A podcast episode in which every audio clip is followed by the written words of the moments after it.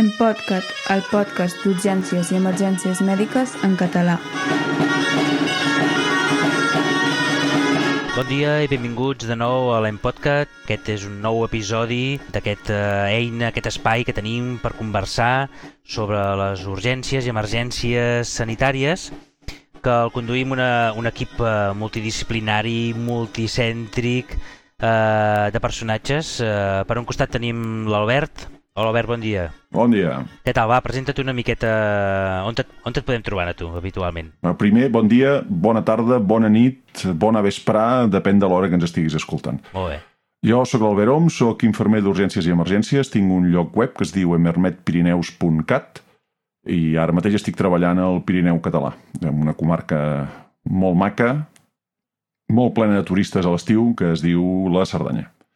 I a l'altre costat, eh, aquest que heu sentit parlar fins ara, és en Xavi, en Xavi Basurto. Vinga, toca tu presentar-te. Hola, bon dia. Pues sí, jo sóc metge d'urgències de l'Hospital de Figueres i bé, eh, normalment eh, fem un projecte que es diu urgent.cat on eh, fem petita difusió de temes d'urgències i emergències i també a través del Twitter eh, arroba urgemcat allà també, també anem fent difusió de coses que podem preparar nosaltres o coses que ens semblen interessants doncs també també les anem posant aquí a l'Urgemcat i de forma paral·lela doncs, també en aquest espai de l'Empodcat.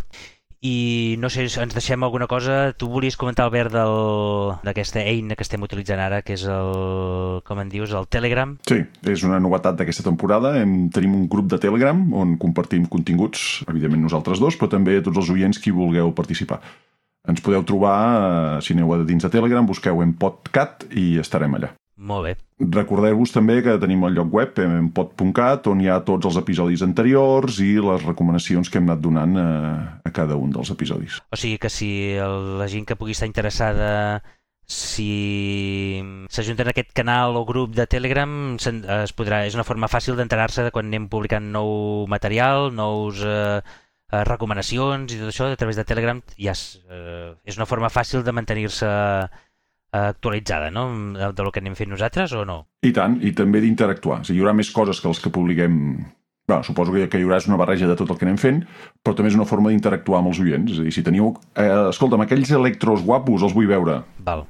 Passeu, poseu-los. Eh, aquell electro interessant i tal, passeu-me'l, que m'interessa, que jo sóc un friqui d'això. Molt bé. I suposo que si algú se sent amb ganes de compartir alguna, no? algun tema més, una mica més ampli i vol participar en la gravació d'un podcast, doncs també el podem convidar i un dia fem una gravació entre els tres i uns, que ja serem més. I tant, ja en, en tenim més d'aquesta temporada.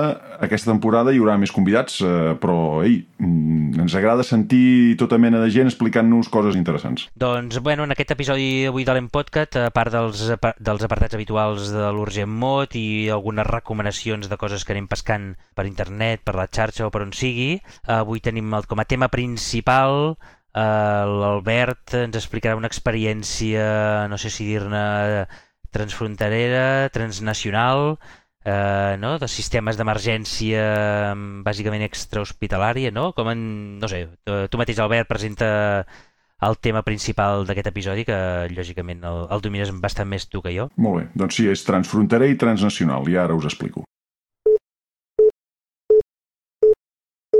A veure, jo em fa una certa por perquè normalment fins ara sempre hem fet coses molt clíniques i això de clínic té molt poca cosa. És gairebé tot operatiu i com que és operatiu d'un sector del territori, doncs pot ser que sigui poc interessant per a altra gent. Però bé, eh, el que sí que és és recent. Eh? Fa poques setmanes es va fer el congrés final d'aquest projecte, Galurc d'Egalité, potser, i URC d'Urgències, m'imagino. És un projecte finançat per la Unió Europea. La Unió Europea, ja sabeu, això que es va crear per evitar que els europeus ens mandéssim entre nosaltres, una altra vegada més. Eh? De moment ha funcionat uns quants anys, a veure si dura uns quants anys més. I el, una de les coses que els hi encanta fer a la Unió Europea és barrejar gent de diferents països de la Unió i veïns també, perquè fer coses conjuntes. Aquí hi ha un programa que es diu POCTEFA, que és el programa, bé, no recordo, bàsicament és el programa transfronterer dels Pirineus, no? que hi ha França, hi ha el Reino d'Espanya, hi ha el Principat d'Andorra, i eh, hi ha diners de, de, que es dediquen a projectes que organitzin entitats d'aquests tres territoris. Doncs, bueno, aquí a l'Hospital de Toulouse, l'Hospital de Tolosa, que el SAMU 31, 31 de la regió de l'Alta Garona, ha liderat aquest projecte en què s'hi han associat també una entitat de Navarra, que és el Navarra Biomet, el Centre Hospitalier de la Cot Basca, de Bayona, el País Basc francès, i el Sistema d'Emergències Mèdiques de Catalunya. Cada un d'aquests quatre socis principals té associats eh, diferents socis menors per eh, tirar endavant o, o que són afectats o formen part d'alguna de les coses que desenvolupa aquest projecte europeu. Eh? Eh, no ho he dit, la pàgina web d'aquest projecte és egalurc.eu. D'aquests altres socis petits o no tan rellevants o, o bueno, no sé com dir-ho, doncs hi tenim el Centre Hospitalari de Perpinyà, hi tenim el SAMU de, dels Pirineus Orientals, el SAMU 66, l'Hospital de Meritxell d'Andorra, tenim el meu hospital, la ECT Hospital de Cerdanya, hi ha la Universitat de Barcelona, bueno, hi ha fotimer, una vintena de, de socis més, no? Cadascun amb diferents rols dins d'aquest projecte. I aquest projecte què pretén? Doncs mira, ja traduïa directament de la seva pàgina web. Diu, s'ha creat una xarxa de cooperació transfronterera per a promoure l'accés igualitari davant les emergències o els desastres, superant les barreres legals i a través de l'entrenament d'emergències especialitzats, eh, innovació i desenvolupament tecnològic aquest projecte, com tots els projectes europeus, els projectes europeus, bàsicament hi ha una entitat que és la líder, en aquest cas és l'Hospital de Toulouse, que una de les accions que ha de desenvolupar això és justament la direcció del projecte. Sempre hi ha una acció de difusió, és obligatori en tots els projectes europeus, ja que Europa paga, volen que se sàpiga que ha pagat. I a partir d'aquí hi ha diferents accions en què cada un dels socis pues, lidera i, i tira endavant la part que a ell li convé, no? I aquí n'hi ha hagut vàries. Escolta'm, Albert, una, una pregunta. Uh, Eh, està centrat específicament en desastres, en, en, en catàstrofes, eh, múltiples víctimes i tal, o emergències així d'una sola víctima també parla això? En dues coses, perquè al final acaba sent complementari. És a dir, si tu desenvolupes un gran sidral, o sigui, muntes un gran muntatge per un múltiples víctimes, però després resulta que tens un veí afectat i les circumstàncies fan que sigui millor que vingui el país veí a ajudar-te, doncs, sí. doncs endavant. I, de fet, no vull desmereixer el projecte, al contrari, penso que és molt important, però no és res que no passés fins ara. Només que fins ara era tot terriblement local sí. i terriblement exposat. Segur que tots els que treballem a zones frontereres ens hem trobat travessant la ratlla algun moment, que algun veí ve, que demanes ajuda al del país veí... Ha passat sempre. La frontera és una ratlla administrativa. Sí. Però no necessàriament és una separació física. I com que no és una separació física, doncs de tant en tant passa. Evidentment, amb unes condicions que no eren les òptimes i que aquest, aquest projecte intenta resoldre. Val, I estem, eh, es, està molt centrat també en temes de formació, no? d'entrenament, de, de tecnologies i innovacions i... Hi ha una acció ara, com que aniré, aniré recitant les accions i les que... N'hi ha alguna que penso que no val la pena dedicar-hi massa estona, però alguna altra que hi dedicaré més estona, Val. i n'hi ha una que és de formació específica. Val. I, i una, altra, una altra pregunta que no m'ha quedat clar. El, de, com el que organitza tot això, el promotor principal és Toulouse, no? És Tolosa. Sí. I, i d'hospitals així del tamany de Tolosa, quin tindríem aquí? A Girona o...? Mira, això t'ho contesto després perquè just hi ha un dels temes que compara eh, o que ajunta el codi politrauma dels dos costats de la frontera i justament el tema aquest eh, en vull parlar, del tema de, de quins, de, del, eh, dels hospitals de destí i de més. Val. Va, vinga, accions. Bueno, accions hi ha aquesta, la de demanar, la de management, que aquesta ja no ens interessa per res, la de difusió, que, bueno, ja està. El projecte ja ha acabat ara, representa que el tanquen ara aquest any, tanca, s'acaba, i per tant ara tocarà tancar el paquet i entregar-li a la Unió Europea i ensenyant tot el que han fet. I a partir d'aquí hi ha quatre accions més, cada una liderada per un dels membres del partenariat aquest. Eh, els senyors de la Costa Basca, ells, eh, la seva acció tenia molt a veure amb la gestió i la preparació dels esdeveniments aquests de moltíssima gent. Eh? A Bayona es veu que celebren unes festes patronals enormes. Ja normalment les festes patronals al País Basc ja són bastant concorregudes, doncs es veu que allò és molt bèstia, no? I com cada any, els grans esdeveniments de concurrència de persones s'ha doncs, d'organitzar tot un sistema de planificació sanitària.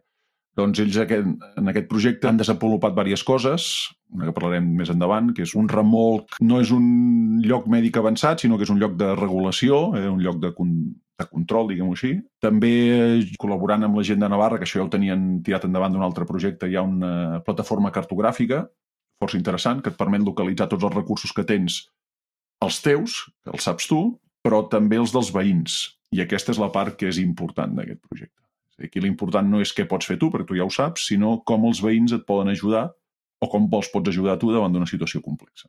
Hi ha una altra acció, que és aquesta que comentàvem de, de la formació, que aquesta l'ha liderat el SEM també, té diferents subaccions, com sempre, una de les quals, i aquesta no en sé tot el que voldria saber, perquè penso que és interessant, s'ha dissenyat i s'ha creat un màster europeu en Emergency and Disaster Medicine, eh? en medicina d'urgències i desastres. Per tant, eh, em sembla que això ho oferirà, suposo que ho oferirà la Universitat de Barcelona i la Pompeu Fabra, que són, també són associats d'aquest projecte, però no en sé massa. Vull dir, si algun dels que ens escolteu sabeu més d'aquest assumpte, eh, jo personalment hi tinc interès perquè, bueno, estudiar sempre és interessant, però en aquest cas una cosa és bastant novedosa, no? el fet de que puguis fer uns estudis que van més enllà de la teva, del teu territori, té els... Que això encara no funciona, eh? El màster aquest i això és un projecte... Que jo sàpiga no ha començat. Va. És a dir, s'ha creat i no sé quan està previst que s'iniciï, si és que s'acaba iniciant. Va, una altra, l'opció aquesta, l'altra acció que també és interessant, que és aquesta de la recerca tecnològica, desenvolupament i innovació, aquesta l'ha liderat a Tolosa. Aquest és interessant. Aquí hi ha coses interessants i que veurem i que segurament afectaran la nostra, la nostra pràctica. La pràctica dels que, evidentment, estem en aquests territoris, però m'atreviria a dir que també poden afectar uh -huh. la pràctica de gent que està més lluny.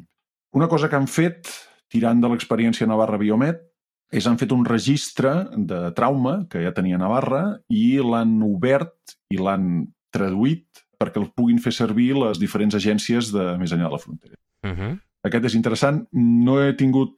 Només he pogut veure un vídeo petit de com és aquesta plataforma, no, no tinc l'opció de fer-la servir de moment, però penso que pot ser interessant especialment pels acadèmics, perquè aquí una de les coses que hi ha és que els pacients més o menys són iguals a tot arreu. O sigui, és un aplicatiu que, que ha de servir com a per fer recerca científica, no pas per fer el maneig clínic dels pacients, eh? Aquest no. Vale, vale. Aquest no.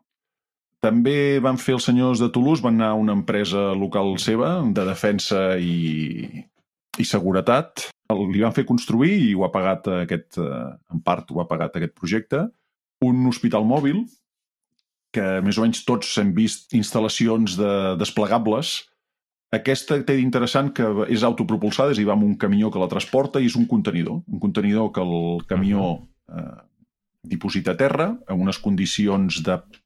ha de ser pla i no massa inclinat i eh, en qüestió de relativament pocs minuts, jo crec que més del que es triga a desmuntar una tenda mòbil, però en qüestió de pocs minuts uh -huh. es desplega. Són 60 metres quadrats, coberts, sòlids, amb parets.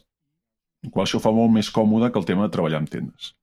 Amb dues hores d'autonomia elèctrica i de gasos i d'oxigen, que això també és una gran novetat per mi. És dir, normalment tots els hospitals mòbils que he vist desplegats per ahí acabes tirant de bombones i... Ja. Yeah les botelles d'oxigen es gasten ràpid. I ells t'asseguren un cert temps d'autonomia. I comunicació, que és l'altra part, no? és a dir, eh, comunicació via satèl·lit per internet i de més. No? I associat a aquest hospital mòbil, els de Toulouse, però també el SEM ho ha fet, han adquirit drons que els fan servir per, a, per operativa, també. És a dir, tenen un parell de drons, els normals, aquests, els, els, els DJI que tu fas servir per anar a gravar així tope xulo la gent mentre es fot el cafre per la muntanya, per exemple, que és un clàssic ara, un tio corrent i dos drons allà seguint-lo, doncs, sí. doncs tenen un d'aquests, eh, bueno, un d'aquests no, eh? amb una càmera zoom que li pots veure el cul a la lleona des de Salt, eh? no des de Girona, uh -huh. eh? fots un zoom de l'hòstia amb una càmera tèrmica, té un cert interès, i un dron captiu que pot volar molta més estona, em sembla que és l'ordre d'una hora, que el pots llançar a damunt del teu hospital mòbil. De manera que, si, clar, si associes el dron que tens visió amb la comunicació per internet del satèl·lit d'alta capacitat i de més, doncs clar, fa que el, els coordinadors remots, és a dir, els centres de coordinació, tinguin una visió molt més acurada de la realitat quan hi ha un sidral. Uh -huh. perquè bueno, ja en vam parlar amb l'episodi, no recordo el número, que vam parlar de l'incidents de múltiples víctimes, que la comunicació és vital Sí. i sabem que amb un merder de Déu doncs, la comunicació sempre pateix, doncs aquí bueno, tens una part de la comunicació que és independent de l'operador. Tens el dron captiu a dalt i tu el pots manipular remotament i veus què hi ha al voltant del, del merder. Aquests són els No. drons de Tulu? Digues, digues, Xavi. Anava a dir, no, no haurem d'aprendre nosaltres a fer servir els drons, no? Hi haurà algú que ens que es dedicarà a això, oi? Home, segur que hi ha cua per pilotar el dron. No, és que ja em feia, ja em feia por de que em diguessin ara, a partir d'ara has d'aprendre també a fer servir els drons per uh, informar de lo que passa, de lo que no passa en el centre coordinador Bueno, i tota aquesta No història. te'n riguis, eh? Compte amb els drons, que ara fa poc va sortir publicat el primer cas real d'un desfibrilador automàtic entregat per un dron, Ahà. amb Bueno. reanimació exitosa del pacient. O sigui, Sí. és l'escàndol, ja. Però això, el dels drons, que bueno, també té la seva part espectacular. No? Si serà útil o no, doncs mira, la primera vegada que s'hagi de fer servir doncs es veurà, es valorarà. De moment, amb el, les proves que s'han fet, han, ha mostrat una certa utilitat. No ho he dit, es va fer un simulacre a Llívia, a la Cerdanya del Reino d'Espanya, però que és un enclau envoltat per la República Francesa. És un lloc del territori força kafkià, eh, perquè Catalunya dins de França amb una carretera que és de França, però, bueno, un merder de Déu, no us ho podeu imaginar, administrativament és l'infern. Sí. Doncs van anar a fer el simulacre on? Pues al lloc on la frontera és més ridícula, no? I bueno, van, van desplegar tot el sidral, com correspon a molts, tots els simulacres, tot és meravellós, eh, tot arriba superràpid i tot es desplega a velocitats d'escàndol, i es va provar diferents coses d'aquestes. I té un cert interès. Penso que pot ser útil, especialment si no l'hem de manipular els assistencials que ja anem sobrepassats, doncs pot tenir el seu interès. Molt bé, molt bé. També dins d'aquesta acció de desenvolupament i innovació hi ha un parell d'aplicatius que penso que aquests, el, aquests els hi veig utilitat i això crec que això transcendirà als socis i crec que això pot anar més enllà. El SEM de Catalunya no som els únics, evidentment, moltes altres agències ho tenen. Eh, fan servir unes, fent servir unes tablets per anotar els informes clínics i per lo que, per, per lo que pugui venir. Uh -huh. I aquí han aprofitat, i una de les coses que el CEP ja tenia previst fer, i no sé si estava ja acabada, o si no estava acabada o han acabat ara, és un aplicatiu per a aquestes tauletes per als incidents de múltiples víctimes. És dir, per, sobretot per filiar i per generar registre de tots els pacients que són atesos. I aquest aplicatiu, igual que l'aplicatiu ordinari, que teòricament pot ser vist per l'hospital de destí, aquest aplicatiu també pot ser vist per les altres agències i pels potencials hospitals de destí. És a dir, tu arribes al Sidral i et trobes 30 tios, doncs agafes la taula i comences a afiliar. Aviam, referència, el que sigui, el nom. Eh, és un groc i li passa tal, pum. I vas fent la registre. Clar, gràcies a això, com que això està eh, connectat, doncs els reguladors van veient a temps real com es va omplint el registre d'aquest incident de múltiples víctimes comptes de fer-ho un paper, que el registre sempre és a posteriori i llavors es fa molt difícil de, de traçar a temps real què has d'anar fent. Jo crec que això transcendirà. Això els hospitals recep possibles receptors també ho té, no? Tenen la- l'enllaç a aquest aplicatiu, no? I ho poden veure... Teòricament sí. També és cert que amb l'aplicatiu actual del SEM, teòricament l'hospital receptor també et podria veure els preinformes de, dels pacients que estàs atenent, Sí. però no sé com ho teniu vosaltres, en el meu cas no he aconseguit cap vegada. I una altra cosa, un altre aplicatiu que han fet, i aquest també té el seu interès, evidentment té interès per al projecte, eh? però el projecte en si té tot l'interès del món, però també té un cert interès, no sé si transcendirà gaire o no, és que, com que la transferència dels pacients ja sabem que és crítica, de fet, eh, tenim també un altre episodi que parlem de l'IDEAS, com una eina de transferència de pacients perquè no se'ns perdi informació i generar problemes de seguretat. Sí. Clar, imagineu-vos el merder de dir, no, a més a més de que has de fer una transferència d'un pacient, l'has de fer en un lloc diferent del teu, amb un idioma diferent del teu.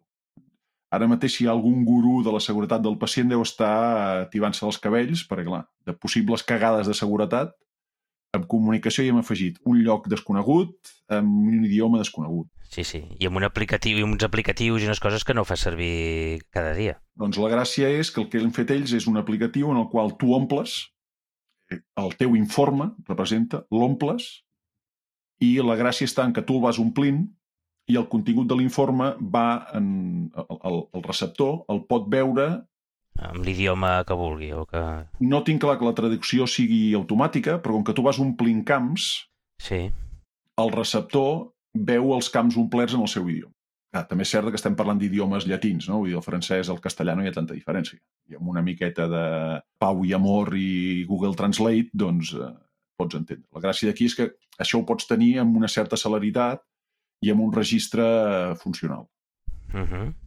Així com l'altre, el de múltiples víctimes, veig que això segurament transcendirà i ho farà servir més gent.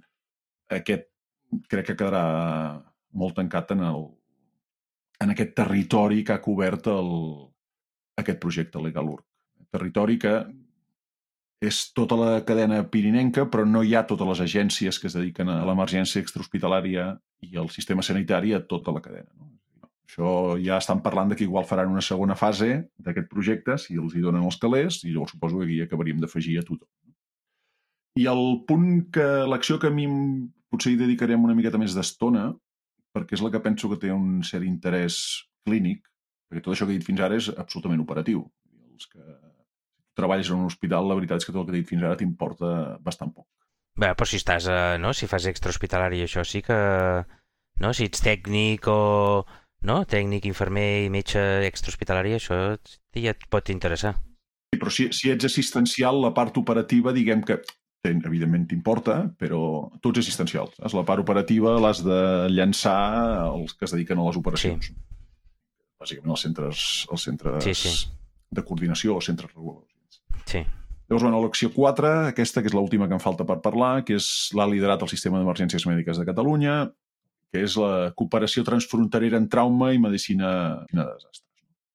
Llavors, aquí hi ha una part que torna a ser també de cartografia, que és un registre de recursos extrahospitalaris dels diferents costats de la frontera. És a dir, saber què té el veí. O, sobre, o sigui, volen fer un, algun aplicatiu o alguna cosa que tu puguis veure exactament a on, a on hi ha cada recurs o... Sí, sí, que tu puguis comptar, si tu ets el centre coordinador de Pirineus Orientals, doncs puguis comptar amb quines unitats et pot enviar eh, el SEM de Catalunya, per exemple. O Andorra, per dir alguna cosa, el, el SUM, el sistema, el Servei d'Urgències Mèdiques d'Andorra, doncs saber que si tinc un sidral, jo què sé, a Oliana, que això és província de Lleida, comarca de l'Urgell, doncs si tens un sidral a Oliana, que això està a una hora d'Andorra, doncs saps que a Andorra tens un suport vital avançat o tens un helicòpter, ho tens allà. Tens aquesta eina i l'has de tenir registrada. I això també aplica pels hospitals. I aquí el que, que tu m'has demanat abans, el tema dels hospitals, com va i de més, aquí tenim una cosa molt tonta, però alhora serà, és terriblement dramàtica, que és com categoritza els hospitals. No? A Catalunya tenim categoritzats els hospitals en tres categories i no diríeu mai. A la República Francesa també, en tres categories. Sí que no s'assemblen en res, no? O com va això? L'únic que passa és que hem girat els números. És Sí. a dir, un nivell 3 a Catalunya és un hospital doncs, com el meu, i segurament com el teu, que és un hospital que no disposa d'unitat de cures intensives i que la cirurgia és localitzable. Això és un nivell 3 a Catalunya.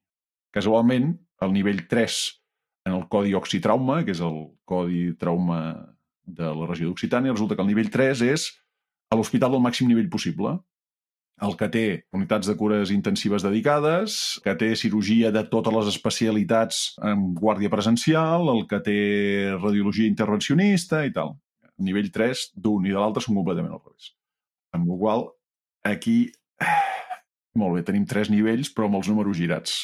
Pot ser divertit. O sigui, no deu existir una classificació europea consensuada de diferents nivells hospitalaris i si és no la fan servir, no? Jo ho desconec. Mira, seria interessant si algú sap si existeix eh, eh, això, categorització de centres en base a alguna cosa més enllà del, de cada país, que ho tingui categoritzat algú, doncs seria interessant saber. En aquest llistat eh, hi surten aquests centres, ja siguin nivell 3 d'un costat o de l'altre.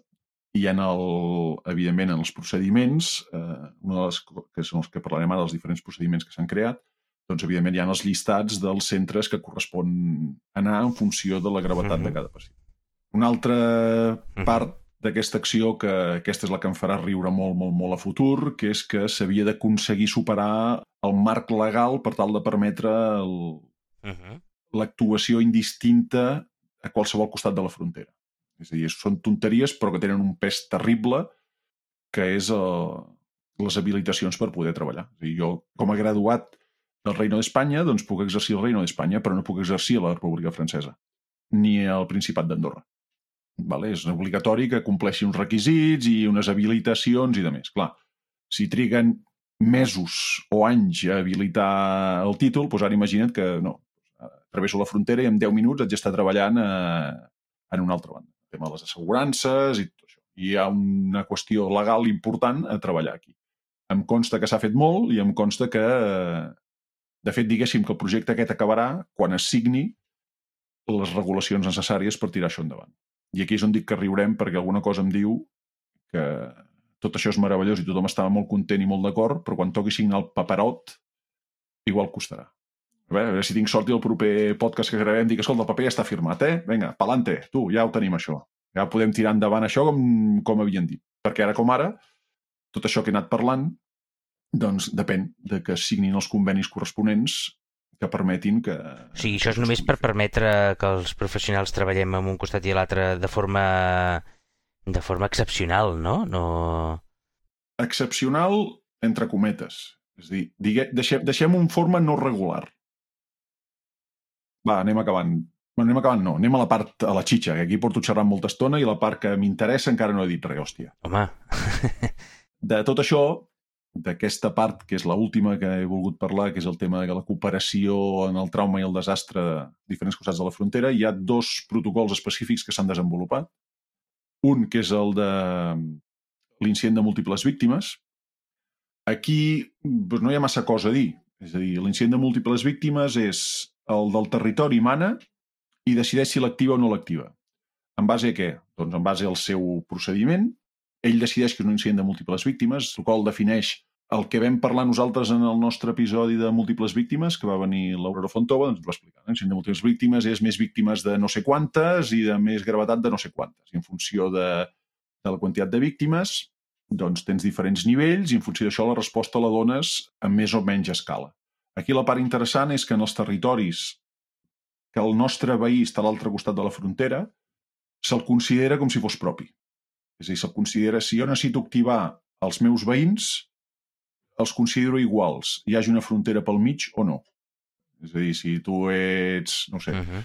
Axles Termes, no? que sembla que és Arieja, doncs els seus veïns som Cerdanya i Andorra. Doncs nosaltres ens tocaria anar a l'Arieja com si els hi tocaria anar els de més amunt, no? els de l'Alta Garona, que els hi tocaria anar-hi perquè són veïns i han d'anar. Se'ns considera iguals. Llavors el seu centre coordinador diu eh, necessito, necessito el teu suport vital avançat que tens a no sé on, hauria de venir. Pum. Pues, cap allà que vas.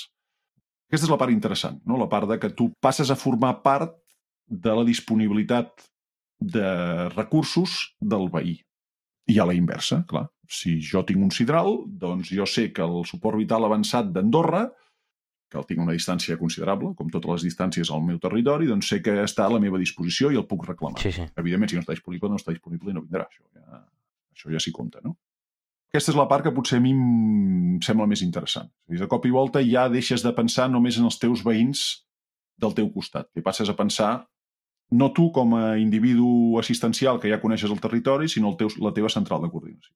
Hi ha tot un procediment que no entraré perquè és un infumable. És d'esperar que, el, que el procediment sigui àgil, perquè en si no té massa dificultat, però s'haurà de Bueno, també, jo també interpreto que en aquest cas tampoc serà el primer recurs que arribi a la zona de, de la catàstrofe o de múltiples víctimes, no? En principi no hauria de ser-ho. Vull dir que arribaràs, arribaràs a un lloc on ja et diran sí, doncs mira, tens aquest malalt aquí i agafa'l i porta'l a Toulouse. En principi hauria de ser així. I ja està. En principi hauria de ser així perquè com que qui mana és el del propi territori, és l'activació del de múltiples víctimes la fa el del propi territori i passa un temps abans això no s'ha no estès al reste de territoris veïns no sé, un cas excepcional d'aquests raríssims, doncs, doncs podria passar. No, no, sí, sí, clar. Sí, Però sí. seria molt rar que la primera unitat que arriba a un merder sigui del país veí.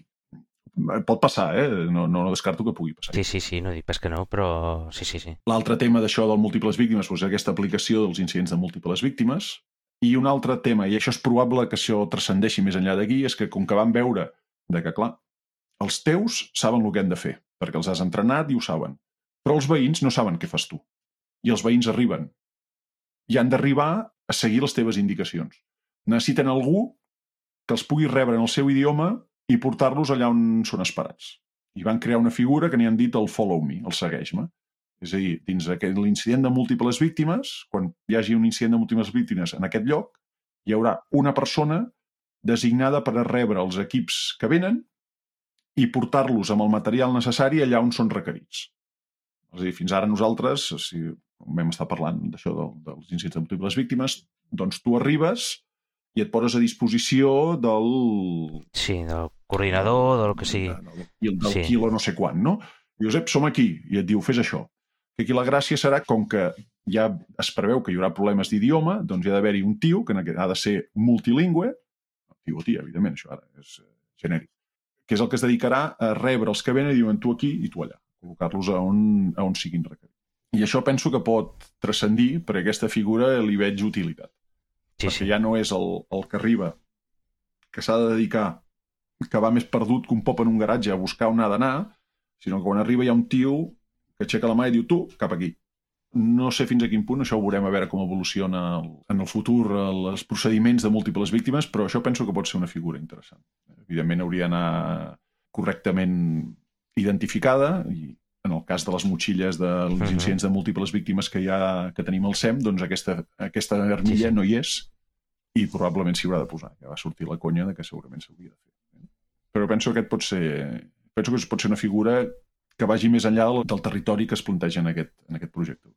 Sí, que quan tu arribes allà amb la teva unitat eh, assistencial avançada o la bàsica o el que sigui, ja te trobis, sàpigues que hagis d'anar a buscar l'armilla de color no sé què, i aquest t'estigui esperant i et digui mira, la teva missió és concreta, és aquesta, amb aquests X malalts i portar-los aquí, aquest aquí, aquest allà, el que sigui, i que et solucioni tots els dubtes que tinguis, no pel fet d'estar en un territori estranger o que no coneixes, bàsicament, no? I l'altra part que també és interessant, comentaria després, però no, surt ara, és que a tu t'assignen una tasca i la fas com tu saps fer-la. Sí, sí, clar.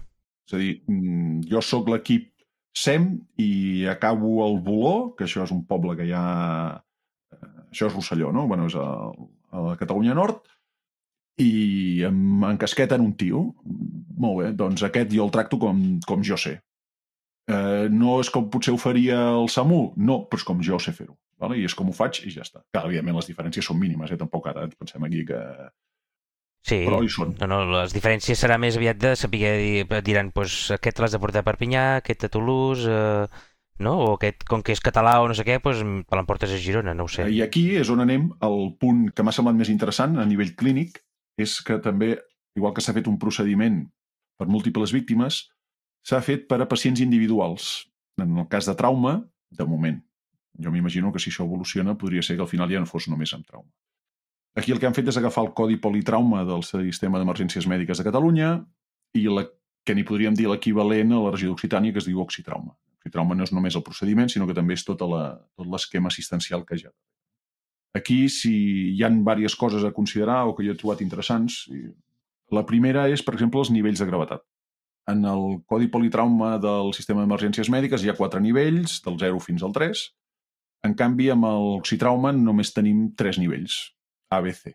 En el codi politrauma, els nivells de gravetat eh, els agrupem per el que n'hi diem criteris fisiològics, és a dir, constants vitals que determinen el nivell de gravetat, pressions arterials sistòliques molt baixes, Glasgows i de més. Això és el, el que n'hi diem nivell 0, perdó, prioritat 0.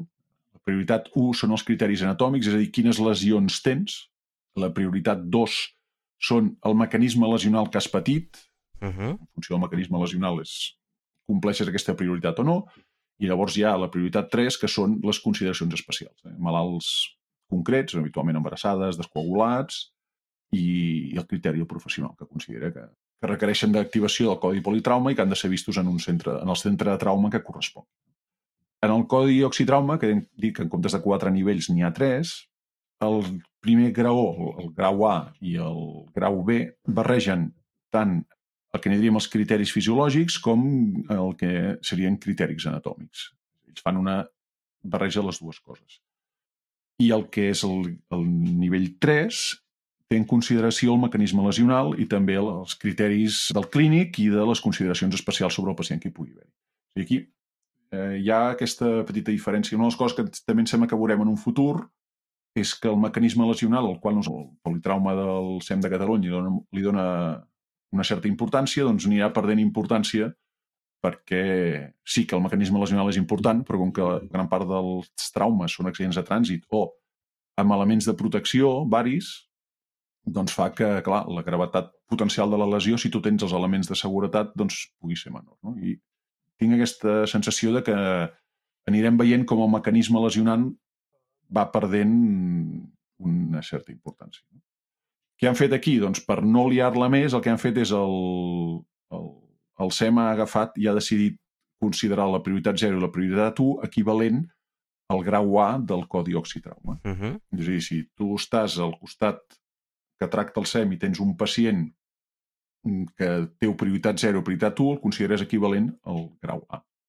Si tens un prioritat 2, que és el, en el cas que ens ocupa, és el mecanisme, estem parlant de que això ha passat en el sistema, en el, en el territori del sistema d'emergències mèdiques, que és una prioritat lesional, seria un grau B, tot per als francesos. Tot i que per als francesos seria un nivell C. Vale? És a dir, el que fan és ajuntar cadascú el seu... Intentar assimilar el màxim possible un codi amb l'altre, perquè siguin el més equivalents possible. Què m'ha creat l'atenció del, del codi oxitrauma? Doncs mira, m'ha creat l'atenció una cosa que és que ells fan servir diverses coses que el sistema d'emergències mèdiques català no fan servir i que jo, si hagués de reescriure el codi politrauma, m'ho plantejaria. Ells fan servir l'índex de xoc, eh, que és una cosa interessant a tenir present. A més a més, eh, l'índex de xoc tenint present si s'ha fet o no reanimació prèvia amb, amb fluids, també del seu interès. I també consideren l'ús de l'ecografia a l'hora d'assignar-li un nivell de gravetat al pacient. Ells ja assumeixen que tots els malalts traumàtics se'ls hi farà un EFAST i si hi ha presència de líquid lliure i inestabilitat hemodinàmica, doncs en els dos casos, tant un codi com l'altre, ja assumeixen una excepcionalitat que és aquell malalt traumàtic que requerirà de cirurgia de seguida, no té per què anar al centre de trauma definitiu, sinó que acabaran allà on els hi puguin resoldre immediatament, on puguin evitar la mort immediata. Però una de les coses que m'ha cridat l'atenció i que segurament això a Catalunya ens haurem de plantejar és que la xarxa Oxitrauma té definida quina és la capacitat quirúrgica dels centres hospitalaris. És a dir, a Catalunya s'assumeix que tots els centres hospitalaris podran operar d'extrema urgència, d'urgència vital, a vida o mort, a individus que han patit un traumatisme i que si no, són, si no se'ls fa cirurgia de control de danys, doncs eh, moriran. Sí. Clar, això, en la regió Occitània, doncs, tenen assumit que això no té per què ser així.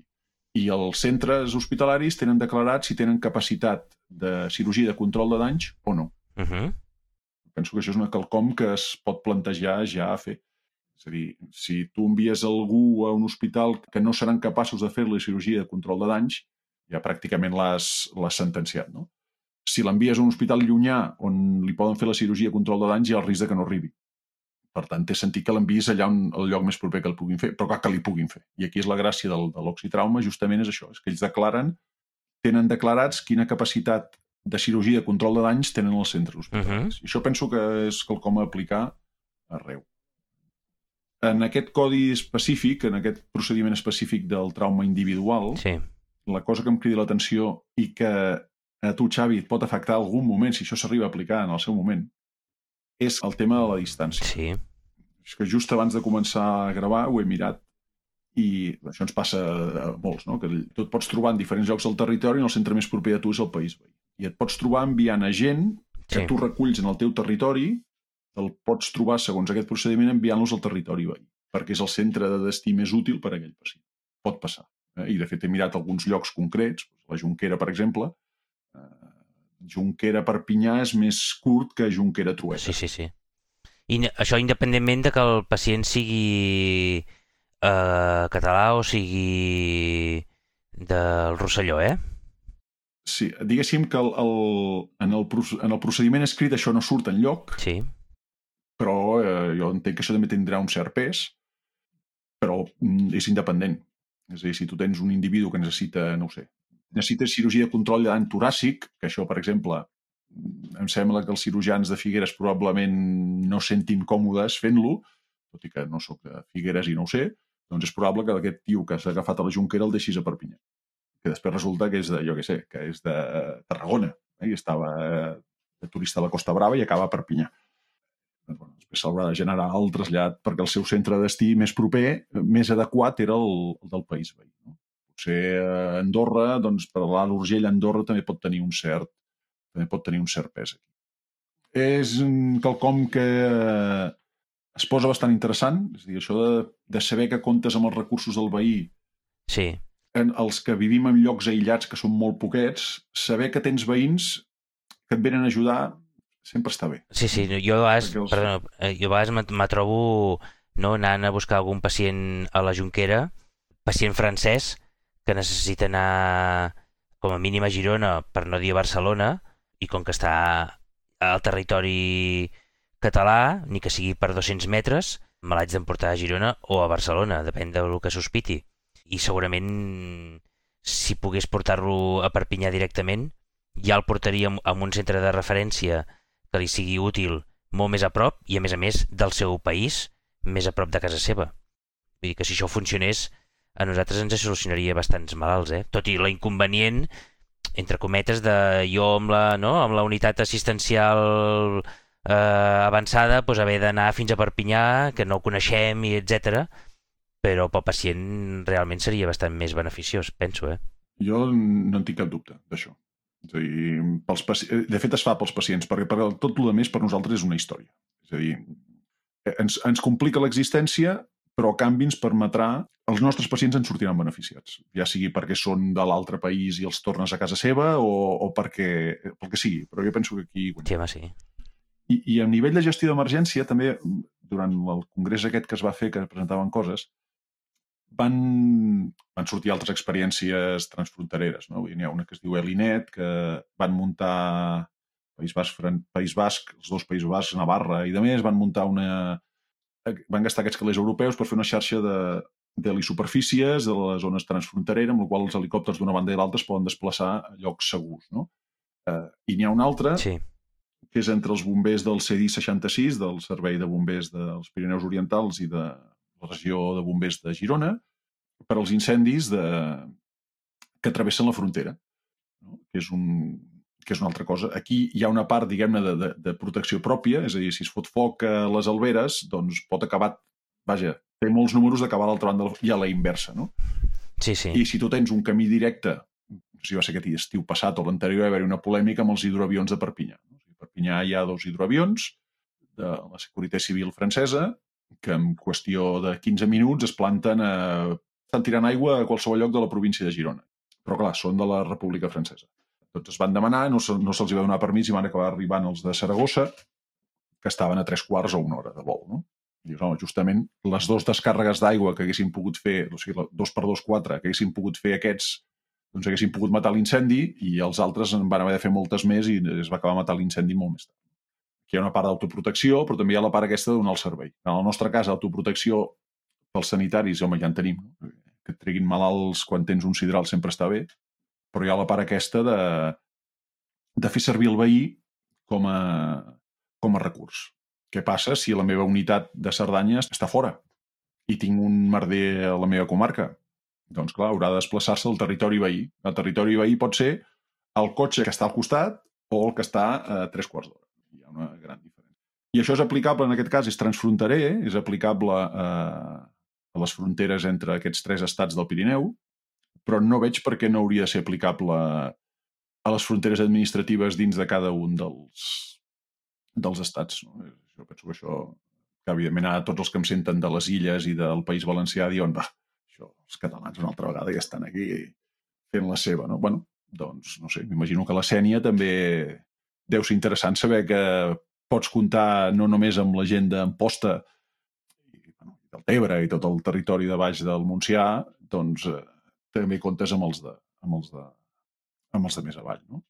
I, I una pregunta, ara, ara se m'estava se m'estava ocorrent de pensar, eh, o sigui, això, per exemple, el que deies de, dels diferents sistemes de classificació de les prioritats de, del, codi, del codi politrauma, que el francès és el no sé, ABC o alguna així has dit, i el català doncs, 0, 1, 2, 3, i més o menys el, el SEM està intentant a, a, no? fer unes equivalències, que això s'haurà de fer, o ja està fet amb, eh, no sé, el, el sistema d'emergències aragonès, el de Navarra, el basc, I no sé si els francesos tots operen amb el mateix sistema o cada regió com a Espanya també té els sistemes diferents, perquè pues, si, tots, si tots tenim sistemes diferents serà, serà complicat, no? O, o ja s'està treballant això? O els francesos, per exemple, és que ho desconec, eh? els francesos no sé si tots siguis de Perpinyà o siguis de, de la costa oest, tots fan servir el mateix sistema eh, sanitari, almenys com a extrahospitalari i tot això, o, o fan com els... Amb això que acabes de dir, estic veient un nou projecte europeu per demanar calés. No sé. Harmonització de l'atenció al trauma a nivell europeu. Sí, sí. I ja està. Estic veient aquí, ja ho estic veient. Aquí, dos o tres milions d'euros, quatre o cinc Uns quants anys. de savis del territori I uns- i vinga, i muntem aquí un sidral de Déu. Ara faltaria trobar els grups de savis, que es posin d'acord i no es matin entre ells, cosa que... Ai, no sé si passarà. Home, savis en els despatxos en tenim molts aquí, eh? No sé si a França també en tenen, però aquí en tenim molts. Sí, savis n'hi ha molts. I a vegades hi ha savis, savis, també. Vinga, Sí, va, sí. em sembla que el tema ja no dona per més. Uh, ho matem aquí i passem a l'urgent mot, et sembla? Uh, sí, me sembla fantàstic. Doncs si vols parlem eh, de l'Urgent Mot i seguirem parlant sobre aspectes anatòmics que podrien millorar eh, els termes a utilitzar. Per exemple, si parlem dels pulmons, podríem, podríem parlar de, eh, dels alvèols pulmonars, en lloc de parlar de, de l'alveol, en la forma correcta seria dir un alvèol, vale? amb un accent obert a la E. De les bufetes, millor que per exemple dir-ne la vesícula biliar, en hauríem de dir la bufeta biliar, tot i que la vesícula biliar també és correcta, però sembla que pel term, pel termcat la forma preferida és la bufeta biliar. Xavi, Xavi, o sigui, vesícula biliar no està mal dit? No, és un sinònim complementari, vol dir que han decidit que la forma més eh, acadèmica o que ha decidit el termcat és la bufeta biliar, mm, perquè el poder és més eh, genuïna catalana, bueno, la vesícula biliar també és correcta, però ells et recomanen que facis servir la bufeta biliar o la bufeta de l'orina, val? Per exemple, quan parlis de la... Això em sembla que ja el vam dir, la caròtida, va amb un accent obert a la O i, i acabat amb E, vale? en lloc de caròtida, que és la forma que a mi me sortiria més espontàniament parlar de la caròtida, no és la caròtida, acabat amb una E. Això, els del català occidental, eh, aquest sí que ho poden notar, eh? Sí, evidentment, clar, si, si, si el terme són, si són sinònims i ho, i ho pots dir-ho amb, amb, amb el teu català del dialectal que estiguis parlant, doncs digue-ho com vulguis. Ara, una altra cosa és quan ja ho estiguis escrivint en un document, intenta fer servir el terme més acceptat, eh? Parlem del còccix, no? Uh, uh, la part final de la columna, després del sacre ve uh, el còccix, que ho escrivim així, en, en lloc de coxis, eh, amb una X, una I i una S, ho hauríem d'escriure amb una C, una O, amb un accent obert, una altra C, una altra C, una I i una X. Veure-ho escrit sona molt raro, pronunciar-ho diràs coxis, però s'escriu així com us he dit ara. El colèduc, vale? no és el coledoc ni d'una altra forma, sinó que és el colèduc, amb un accent obert a la E. La còrnia, vale? en lloc de parlar de còrnea, hem de parlar a una còrnia, acabat amb IA. Després hi ha la part final de la columna, eh, al voltant del sacre tenim un os, que en tenim dos, un a cada costat, que és el coxal, que és l'os coxal, que està format per tres parts, que és l'os ilíac, eh, l'ili o l'os ilíac, l'isqui o l'os isquiàtic i el pubis o os púbic. Va? Tot això forma una estructura que és el coxal o os coxal, en tenim dos, l'esquerre i el dret, i a la part posterior tenim el sacre i el coxis, i tot això forma la pelvis. Uh, I un que m'agrada molt és l'empenya, que és el que en, castellà en dirien, uh, en dirien l'empeine, del peu, uh, en català en hauríem de dir l'empenya. I després l'escleròtida, vale? la, for, la part blanca de l'ull és l'escleròtica, vale? acabat amb CA, amb CA, l'escleròtica. I aquests són els termes així d'anatomia humana en català que podríem millorar la forma de, com a mínim, d'escriure-la. No sé si tu en tenies, Albert, algun dels urgent mots... Doncs mira, primer tinc un dubte. Es buscava urgent mots per avui. D'una altra vegada, una altra cosa que buscava era, bueno, dins els plans eh, anatòmics, eh, que tenim el sagittal i demà, tots aquests plans anatòmics, n'hi ha un que és el pla transvers, Sí, que és el que et parteix entre dalt i baix, per entendre'ns, que no tinc gens clar si n'hi hem de dir pla transvers o transversal, perquè els dos hi són. Sí. I no hi ha cap que sigui... No n'hi ha cap que el posin com a, com a preferit o això. Llavors jo pensava, dic, ah, posaré pla transvers perquè, veus, jo sempre dic transversal, però sembla que és transvers. No, no, però es veu que està escrit de les dues maneres. Si algú sap si n'hi ha algun de preferit i ens ho vol comunicar, doncs fantàstic. I si no, doncs suposo que seran iguals, no ho sé. La veritat és que ho desconec així d'entrada, però podem buscar-ho... Sí, podem fer una mica de recerca i si no, els hi preguntarem a, als del DEMCAT, que són el diccionari... bueno, o el TermCat, que hi ha una secció que es dedica a la, al tema sanitari, i ja els hi podem fer la consulta, que ja ens, normalment ja ens, ja ens contesten força sovint. Sí, sí, a vegades se fa sentir important, eh? Et contesta gent, tu. Sí, sí, sí, sí, sí. sí. I d'Urgent Mot sí que tinc, tinc unes cosetes a comentar. De fet, són teus, eh? Però...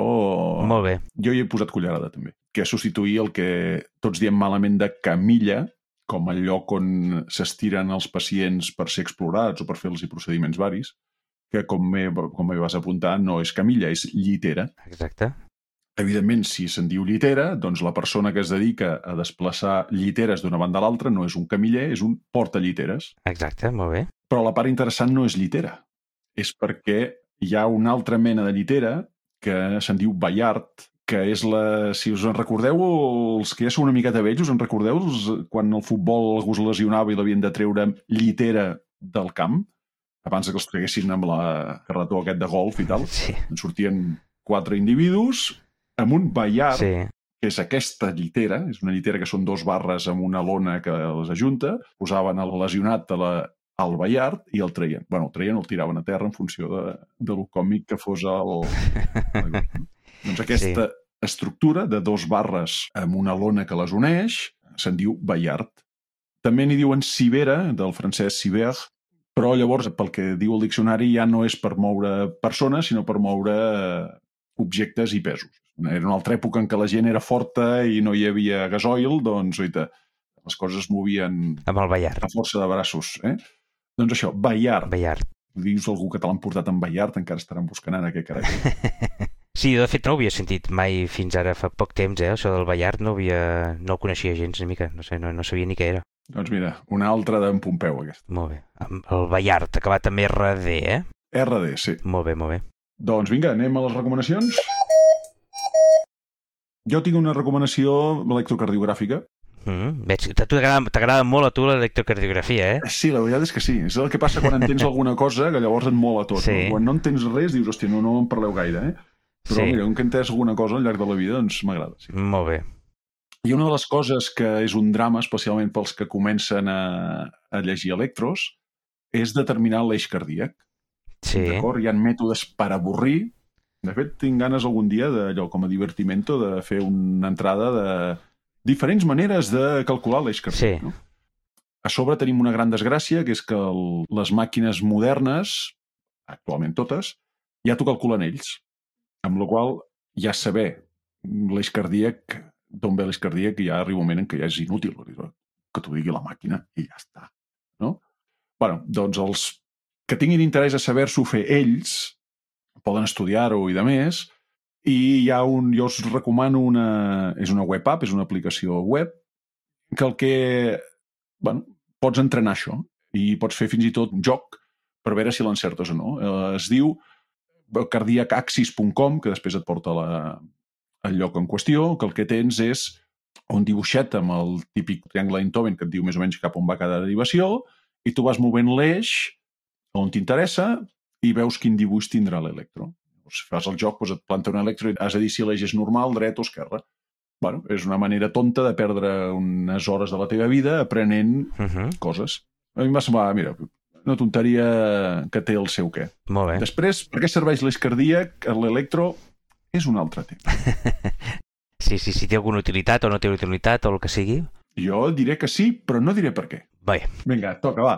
Què tens tu? Perdona, aquesta recomanació em recorda també, no sé si la vas fer tu, una recomanació d'una aplicació com un concurs per veure si havies de desfibrilar o no havies de desfibrilar. Eh, què era això? Que... No sé si vas fer tu la recomanació d'això. Sí, mirem-ho perquè em sembla que això no ho tenim als podcasts. Eh? Em sembla que això ho vaig fer per Twitter. Pot ser. I la podríem recomanar també, és veritat. Sí, sí, per què no? Sí, és que m'ha recordat molt i era com una espècie de com de concurs en què te, pues, te passaven com 60 imatges electrocardiogràfiques de ritme de pacient que estava en aturada cardíaca Sí, sí, sí. i havies de decidir si era una fibrilació ventricular, si era una, no sé, taquicàrdia ventricular, eh, lògic, ja et deien que, ten, que el pacient estava en aturada cardíaca i havies de decidir si el desfibrilaves o no. I al final te donaven una, el teu resultat i te deien les, les que havies fet malament segons el que havien considerat diversos experts sobre el tema i estava molt bé perquè veies, bueno, veies si, si més o menys encertaves la majoria o no i les que no encertaves doncs te deien, t'ensenyaven electro i te deien, bé, podies fer una mica de feedback, una mica de retroalimentació que em va semblar molt interessant. Correcte. Es diu simul-shock, shock en anglès, S-H-O-C-K, punt firebaseap, amb dues pes, punt com. Ho posarem també a les notes de l'episodi. Sí, sí, és el que havies de decidir si xispaves o no xispaves. Exacte, sí, sí. En pacients amb aturada cardíaca sense pols i estava molt bé, era, molt, era entretingut, que feies així amb res, amb 5 minuts era eh, molt ràpid de mirar l'electro, mm, la, la tira de ritme i pum, i intentar decidir el més ràpid possible si el xispaves o no xispaves.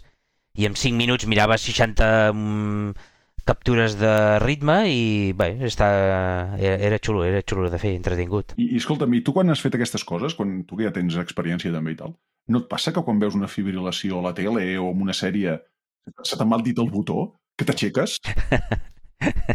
Allò on està el monitor, fas, no? Hòstia, t'agafes a la cadira i dius merda, merda, merda, merda, i ja t'aixeques a apretar el botó? No et passa? Perquè a mi em passa, eh? A mi em passa amb el... Nosaltres quan tenim un pacient que entra a reanimació així de forma sobtada, algú apreta el, el botó de, de... Surt, sona una alarma, no? I és una, és una alarma molt característica i la veritat és que quan de vegades entres en una botiga o en algun lloc i sona una alarma similar, ostres, te dona un susto de cop i volta i, hòstia, una rea. I això sí que me passa. Això del botó que dius tu de, de, de fibrilació, la veritat, no, no me passa. Molt bé. Doncs ja tenim fetes les recomanacions d'avui. Si vols, eh, jo, tot, jo tenia preparada uh, una, si vols uh, us explico ara. Vinga, vinga, va, fot-li, fot-li, que això sempre és interessant. Jo tenia preparat un, un, una... Aviam com ho diré això. Hi ha una gent que se'n diuen uh, Emergency Medicine Cases, que són una, és un projecte de divulgació assistencial sobre urgències que fa un grup de Toronto, en el Canadà, i que fan una... Bueno, és, és aquest, la pàgina web és aquesta, eh? emergencymedicinecases.com i en la qual jo els segueixo perquè fan uns, uns podcasts també molt interessants. Tenen diferents tipus de podcast en funció de, bueno, uns de principals, un que només fan casos clínics, un que fan petits resums de diferents temes i els acompanyen en, un, en el blog. Després fan la descripció del que han parlat en el, en el podcast i ho expliquen molt detalladament perquè ho puguis llegir-ho després i ho acabis d'entendre bé. Evidentment ho farà en anglès, però sí que parlen en un anglès que penso que s'entén força bé i si no després te'n vas en el, en el blog i allà tenen tota la descripció de tot el que han parlat i em sembla molt interessants de seguir-los. I res, era recomanar-los-els perquè a nivell d'urgències tracten de temes molt no? d'actualitzacions, de, protocols, de guies i d'actuacions que hem de fer amb patologies importants i que veiem molt sovint a urgències i estan molt bé. Durant tres quarts d'hora o una hora i, i som, almenys per mi em, em serveixen d'utilitat per descobrir coses que desconeixo i que m'estimulen per dir ostres, doncs aquest tema me l'haig de revisar perquè veig que això, amb això hi ha controvèrsia i jo em pensava que estava molt clar i no. Doncs eh, m'estimulen per, per, eh, per, per revisar-me algun tema i, i per estar una miqueta també al dia de moltes coses que si no ho escoltés millor em pensaria que ja estic actualitzat i resulta que no. pues era això, emergencymedicinecases.com La veritat és que els podcasts, a més a més, estan molt ben produïts. Allà es nota que aquí estan ben, molt ben gravats. No, no com nosaltres, que bueno, home. fem sorollets i tant tant l'àudio fa figa i tal. Bueno, aquí som més casolans i potser hi ha altra gent que es, no, que es dedica més professionalment a aquest tema ho tenen més uh, de per mà, però bueno. bueno el, el, el graven en un estudi. Ja t'ho dic tot. Vale. MC vale. Studios Toronto. Eh? Ja, amb això jo crec que ja està tot dit. Val. Pues res més, no sé si teníem alguna cosa més eh, en explicar aquest episodi? Jo penso que no, eh? No, ja, bueno, sí, cada vegada... Aquests, el, els Emergency Medicine Cases, una hora. Nosaltres sempre intentem una hora i acaba sent més al final. Exacte. Eh? No sé com ens ho fotem, que ens allarguem molt. Bueno, però després hi ha la màgia de l'edició eh, i fem un petit resum, eh? Sí. Bueno, doncs escolta'm, ja està. Uh, moltes gràcies per haver-nos escoltat fins aquí. Molt bé. Fins la propera. Adéu-siau a tothom. Vinga, que vagi molt bé. A la propera.